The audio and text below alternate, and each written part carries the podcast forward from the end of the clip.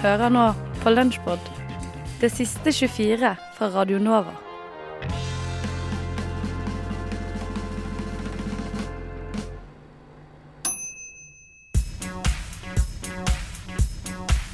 Hæla i taket med Vitenselskapet.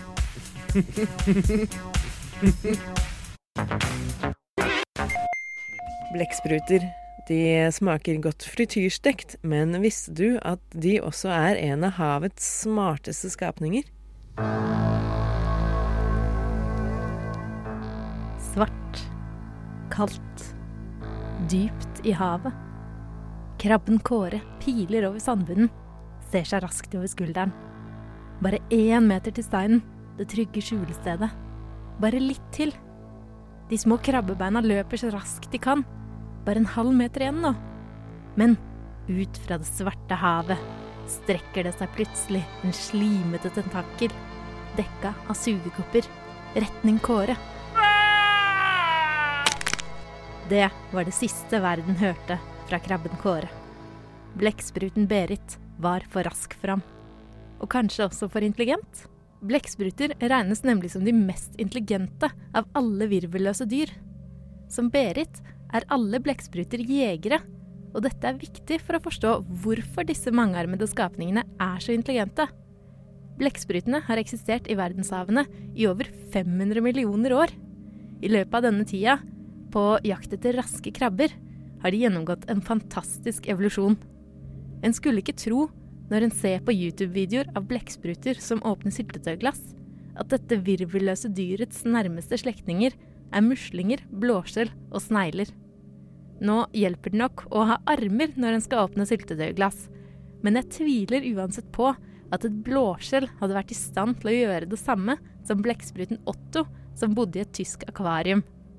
Otto ble flere ganger ferska i å kravle ut av tanken sin og sprute en vannstråle på lampa i taket, sånn at den kortslutta. Han ville vel ha det mørkt. Skjønt en bevisst vilje er kanskje å strekke det litt langt når man snakker om blekkspruter. Mye av blekksprutens intelligens er som nevnt knytta til dens rolle som jeger. Blekkspruter kan f.eks. kommunisere, noe som er nyttig i jakt. Forskerne har observert at Humboldt-blekkspruten, en stor kannibalistisk blekksprut, noen ganger jakter på fisk i flokk på opptil 40 individer, der hvert individ har sin plass i et ordna jaktmønster. På den sosiale siden kan noen blekksprutarter kommunisere via farge- og mønsterskifte, som foregår ved at nervene kontrollerer kromatoforene, dvs. Si pigmentcellene, i blekkspruthuden. Denne evnen til å forandre farge var nok først fordelaktig når blekkspruten skulle kamuflere seg. Men nå for tida så brukes også evnen i forbindelse med paringsritualer blant blekksprutene. Jeg nevnte at blekkspruter kan åpne syltetøyglass. Det er ikke alltid jeg selv klarer å åpne syltetøyglass engang. I hvert fall ikke hvis de er veldig harde. Så her må jeg si at blekkspruten utviser imponerende egenskaper. Faktisk er blekksprutermer like gode til å holde i og bruke gjenstander som det menneskehånda er. Og her kommer vi til en annen av blekksprutens imponerende intellektuelle bragder. De klarer å bruke verktøy. Flere blekksprutindivider er observert på havbunnen mens de henter seg et kokosnøttskall og flytter det til et annet sted, for der å bygge seg et skjulested av skallet. Dette høres kanskje ikke ut som avansert verktøybruk for oss, men se for deg en naken snegle hente seg et skall og flytte det en avstand før den kryper inn i det. Det tror i hvert fall ikke jeg på før jeg ser det, så blekksprutens verktøybruk er en ganske big deal. Uten oss mennesker hadde imidlertid vært vanskelig for blekksprutene å hente de kokosnøttskallene på havbunnen. For hvor mange kokosnøtter deler seg egentlig i to naturlig? Evnen til å tilpasse seg menneskenes oppførsel er en annen oppsiktsvekkende side ved blekkspruten. Krabber er som nevnt vanskelige å jakte på, noe blekkspruter har begynt å løse ved å bl.a. oppsøke hummerfeller og ta hummeren rett ut av fella, eller rett og slett gjemme seg inne i bokser som inneholder krabber om bord på fiskebåter. De er ekstremt fleksible, så når blekkspruten vil stikke av fra båten, kan den f.eks. bare klemme seg ut av et hvilket som helst lite hull. En blekksprut på over 200 gram klarer f.eks. å klemme seg ut av et litt over 2 cm lite hull. Så selv om du kanskje også klarer å bruke verktøy og åpne syltetøyglass, vil jeg likt å se deg klemme deg ut av et hull som er ti ganger mindre enn ditt eget hode. Så selv om de kanskje ikke er mer intelligente enn oss mennesker, så har i hvert fall blekkspruten overtaket på oss på visse områder. Faen, faen, faen, ofte autobahn. Faen, faen, faen, ofte autobahn.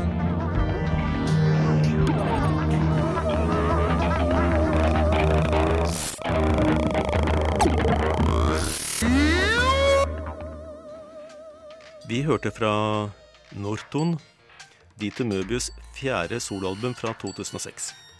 Etter dette kom det to album til, Kram i 2009 og Ding i 2011. Begge utgitt på eh, Klangbad.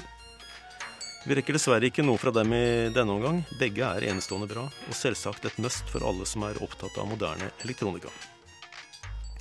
Vi skal i stedet over på et prosjekt Møbius hadde sammen med to japanske kunstnere i 2011. De kalte seg Prosjekt Undark og ga ut albumet Radium Girls i 2011. Det er basert på en særdeles stygg historie fra rundt 1920. I 1898 oppdaget Marie Curie det radioaktive elementet radium. Lenge før man ble klar over farene med radioaktiv stråling, ble dette nye grunnstoffet sett på som en vidundermedisin mot det meste. Før 1920 ble det oppdaget at hvis eh, radium ble blandet med sinkpulver, så kunne man lage en selvlysende maling som ble markedsført som Undark. Dette førte til at et firma i USA, The United States Radium Factory, startet produksjon av klokker som lyste i mørket. Opprinnelig var disse klokkene tiltenkt soldater i skyttergravene under den første verdenskrig, slik at de kunne se hva klokka var uten å avsløre sin eh, posisjon om natta. Men de ble raskt mote blant vanlige folk, og alle skulle ha selvlysende klokker. Etterspørselen var enorm, og det ble big business. For å produsere disse klokkene ble det ansatt en mengde unge kvinner som påførte radiummalingen med fin pensel. De ble forsikret eh, om at det var helt ufarlig, og ble oppfordret til å forme tuppen av penselen i munnen for at den skulle holde seg spiss. Mange av de unge kvinnene malte også neglene sine, og til og med tennene, slik at de ble selvlysende til partybruk.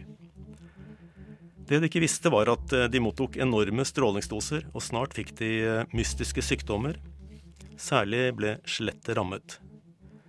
Kjennere av det periodiske systemet vet at eh, radium har lignende kjemiske egenskaper som kalsium, og dermed kan erstatte kalsium i beinvev.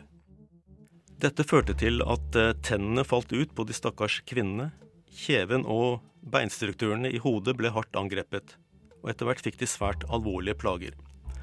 Firmaet nektet for at dette hadde noe med jobben deres å gjøre, og beskyldte, de, beskyldte kvinnene for å ha syfilis, noe som var en forferdelig beskyldning mot unge kvinner på den tida. Leger som var kjøpt og betalt av firmaet, fant ut at det ikke var noe feil med kvinnene som kunne relateres til arbeidet deres med radiomalingen. Til slutt klarte fem av kvinnene å få tak i en advokat og gikk til sak mot fabrikken. Men ledelsen der eh, trenerte rettssaken på alle mulige måter, fordi de antok at kvinnene snart ville dø. Kvinnene vant til slutt og fikk en mindre erstatning, men på slutten var de så syke at de måtte bæres inn i rettssalen. I ettertid har det vist seg at ledelsen i fabrikken ikke var ukjente med farene med Undark-malingen, og derfor alltid anvendte beskyttelsesutstyr selv når de var i kontakt med den. Den japanske kunstneren Erika Kobayashi er interessert i den destruktive siden av radioaktivitet og kjernefysikk. Hun har fått med seg den mystiske japanske musikeren som kaller seg Few. Hun har bakgrunn fra punk, men har seinere samarbeidet med mange tyske musikere som Holger Xukai og Jaki Libesite fra Cannes, samt en rekke andre avantgarde-musikere.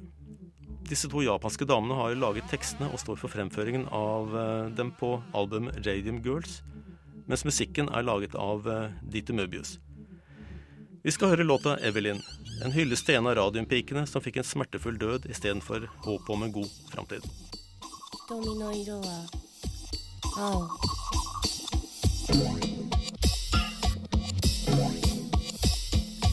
先週からスタジオで働いている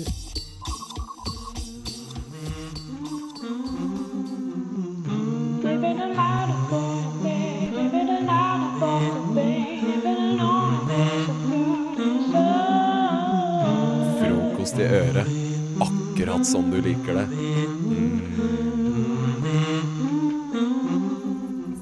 Hei, jeg kommer fra NOVA. Kunne jeg stilt deg et spørsmål?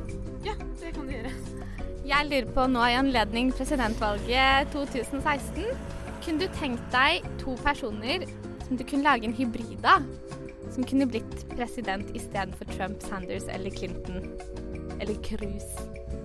OK. Uh, to forskjellige som jeg kan krysse ut i én.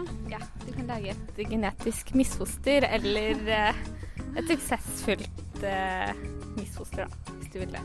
Ehm, da må man To forskjellige egenskaper, da. Jeg tror jeg ville gått med brains and beauty, kanskje. God kombo, det. Ja. Så da ville jeg valgt uh, Kåre Willoch og, og Megan Fox. Å, det er nydelig. Ja, det, tror jeg. Brains and beauty der, altså. Tusen takk. Du får ha en fin dag videre. Hvor skal du nå? Nå skal jeg på treningssenteret. Hva skal du trene? En leg day, eller? Jeg skal trene legger og ankler. Ha det bra. Oi, nå kommer det en vaffeljakke mot meg. Unnskyld? Unnskyld? Hei. Hei! Jeg lurer på om jeg kunne stille deg et spørsmål. Jeg er fra Radio Nova. Ja. Jo, nå er det jo presidentvalg, som du vet, i USA. Ja. Ja, du vet det. Jeg lurer på hvis du da kunne lage en krysning av to mennesker. Hvem ville det vært for å da bli president i USA? Oi, da tror jeg jeg ville lagt eh, alle kortene på folkelighet, og kanskje valgt eh, Rune Rudberg og Cecilie fra Tangerudbakken. Det ville jo vært tidenes Det var veldig folkelig. tidenes, eh. Er det det som kalles jovialt? Det er jovialt i tusen, tror jeg. Altså jovial president, altså. Ja. Du, det er ikke så viktig å være strategisk eller å være politisk engasjert. Altså eh, en kombinasjon av Rudberg og um, Cecilie ville jo vært eh, perf. Altså ikke for langt fra folket, de er jo ikke akkurat eh, de smarteste. OK, så folkelighet der. Flott, da får du Hvor skal du? Jeg skal på butikken. Jeg trenger melk og brød, må ha frokost, vet du. Må ha frokost. Ja. Ja. OK, du får ha en fin dag. Du òg. Ha det bra. Tusen takk.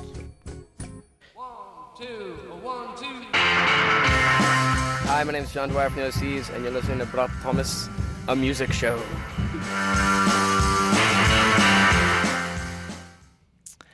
Simen fikk et møte med sist gjenlevende medlem av The Ramones under Bylarm da CJ Ramone gjestet vintersgitar på Youngstorget. CJ Ramone tok over som bassist for Didi Ramone i 1989 og var The Ramones sin faste bassist frem til slutten av 1996. Han rakk å spille inn tre plater, turnere seg sliten og lei, og ikke minst få et ordentlig innblikk i leiren til et av rockehistoriens mest inn innflytelsesrike band. just about everybody in New York is a big fan of the Ramones. Well, at least back then. Um, I'm I lived when I was a little guy. When I was a baby, uh, we lived in Queens. My dad's uh, family still lived there, so I had some older cousins from Queens who played the Ramones for me when I was still pretty young. So I had been a phone uh, fan for years.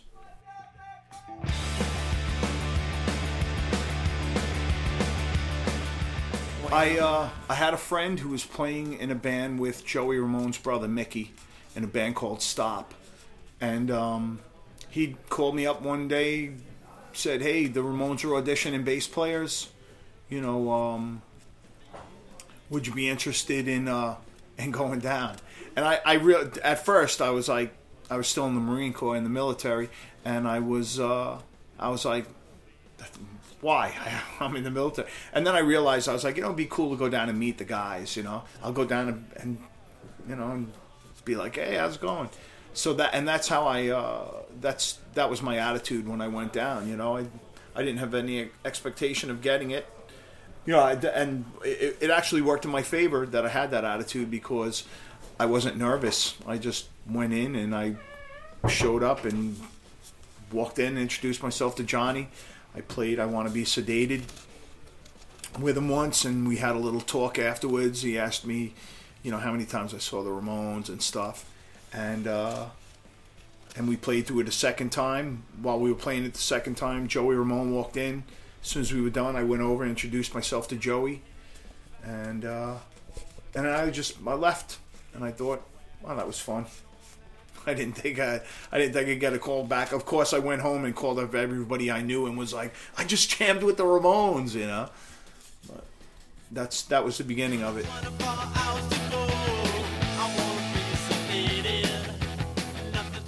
Yeah, it's funny. The fact that they didn't get along really was one of the things that fueled the music. You know, helped to fire up the the music a lot. Um, it's more important to the band in that way than it is, you know, for for the, than it is for the the the drama that that that situation between Johnny and Joey, the the drama that it created was, uh, you know, an important part of the chemistry of the band. That's you know that's how I came to see it, you know, it, and not not to say that they wouldn't have been great if that wasn't there. You know what I mean? But I think it definitely helped feed the length of their career because neither wanted them to be the first one to quit. Neither one. It was almost like the you know, who blinks first thing. Uh, and neither one of them wanted to be the first one to blink. But um, know, even though it was very negative, it, it, it really created some some really good stuff within the band.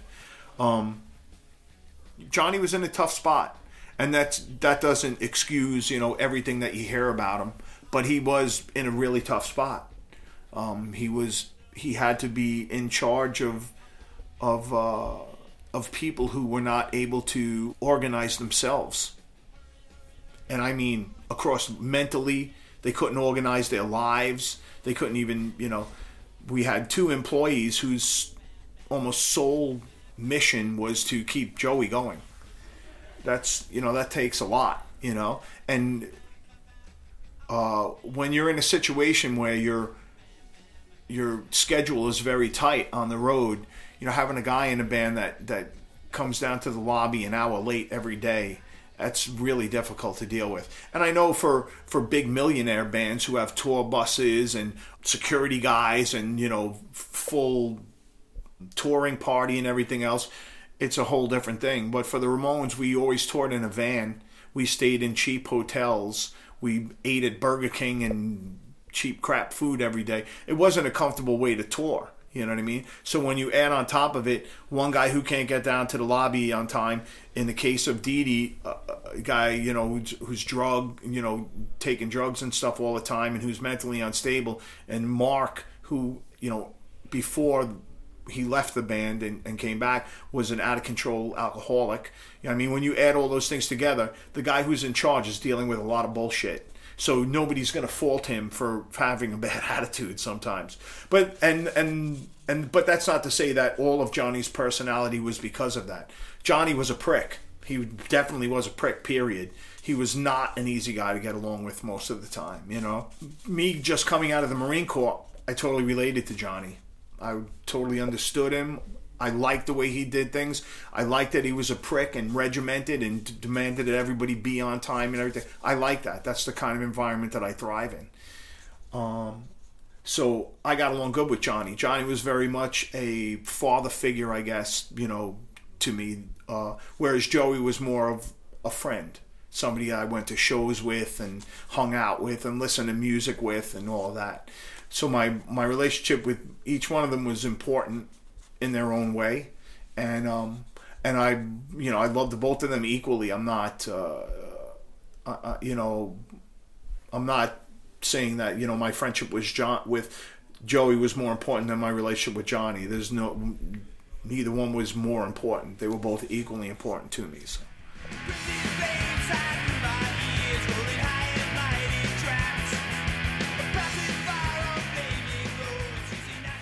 They sell Ramones T-shirts in like, uh, for example, the store H and M. Yeah. Uh, what do you think about that? Uh, you know, a lot of not fans of Ramones, just people who want to have a good style wear the Ramones T-shirt. And it's the well, while I understand why it bothers a lot of people, and it, I'm not a big fan of, of people who don't know the Ramones wearing the shirts. You have to understand the context, and that is that the Ramones have reached a level of being icons, and you know much in the way that um, Elvis Presley, James Dean, Marilyn Monroe's images are used by people who don't really necessarily care about them or even know them. But the Ramones have reached that level, and it's a um, That's a good thing, though. yeah, That's- that's a good thing. You know, it really is. It's you know that that uh, that logo is one of the most iconic logos ever created. So you have to kind of understand it in those terms too. As a fan, it's kind of annoying to see, you know, some you know young rich girl wearing a, a Ramon shirt. It's you know, it, it doesn't go with the religion of the Ramones. But at the same time, you know, the fact that they've reached that iconic plateau, you know, is is is kind of nice, you know, and it's more people flying the Ramones flag, you know. So you have to you have to look kind of look at it, uh, you know, not so much from the uh, well, I'm a Ramones fan. You have to look at it, uh, you know, in the in the context of it being a, an iconic image.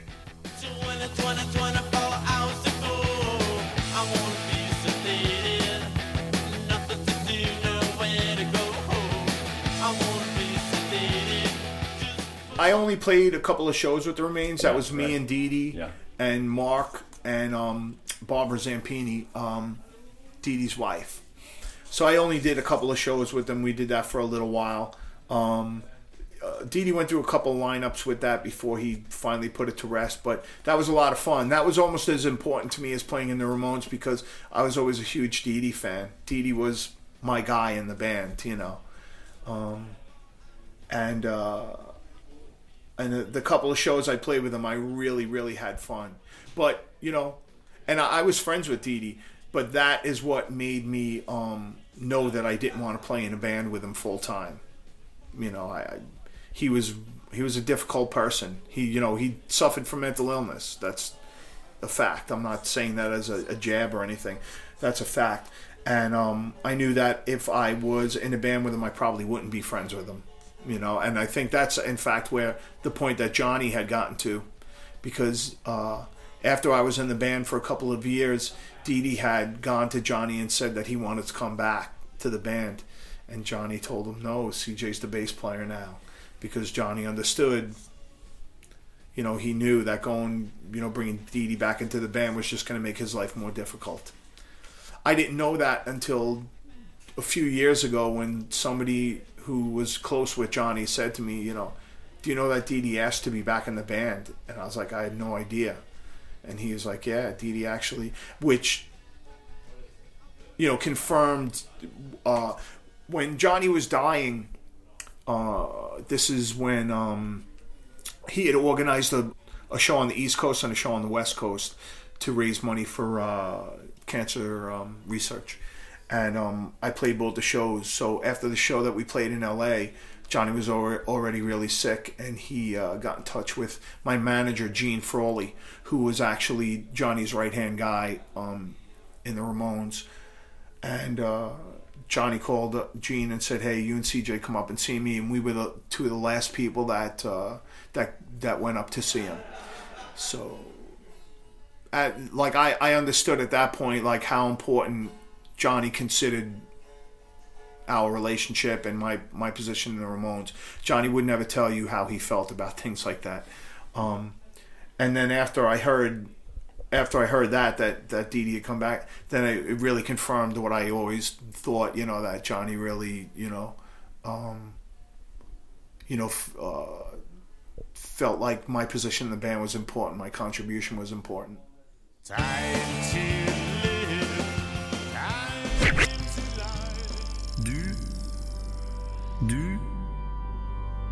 Du hø hører på. på Radio Nova.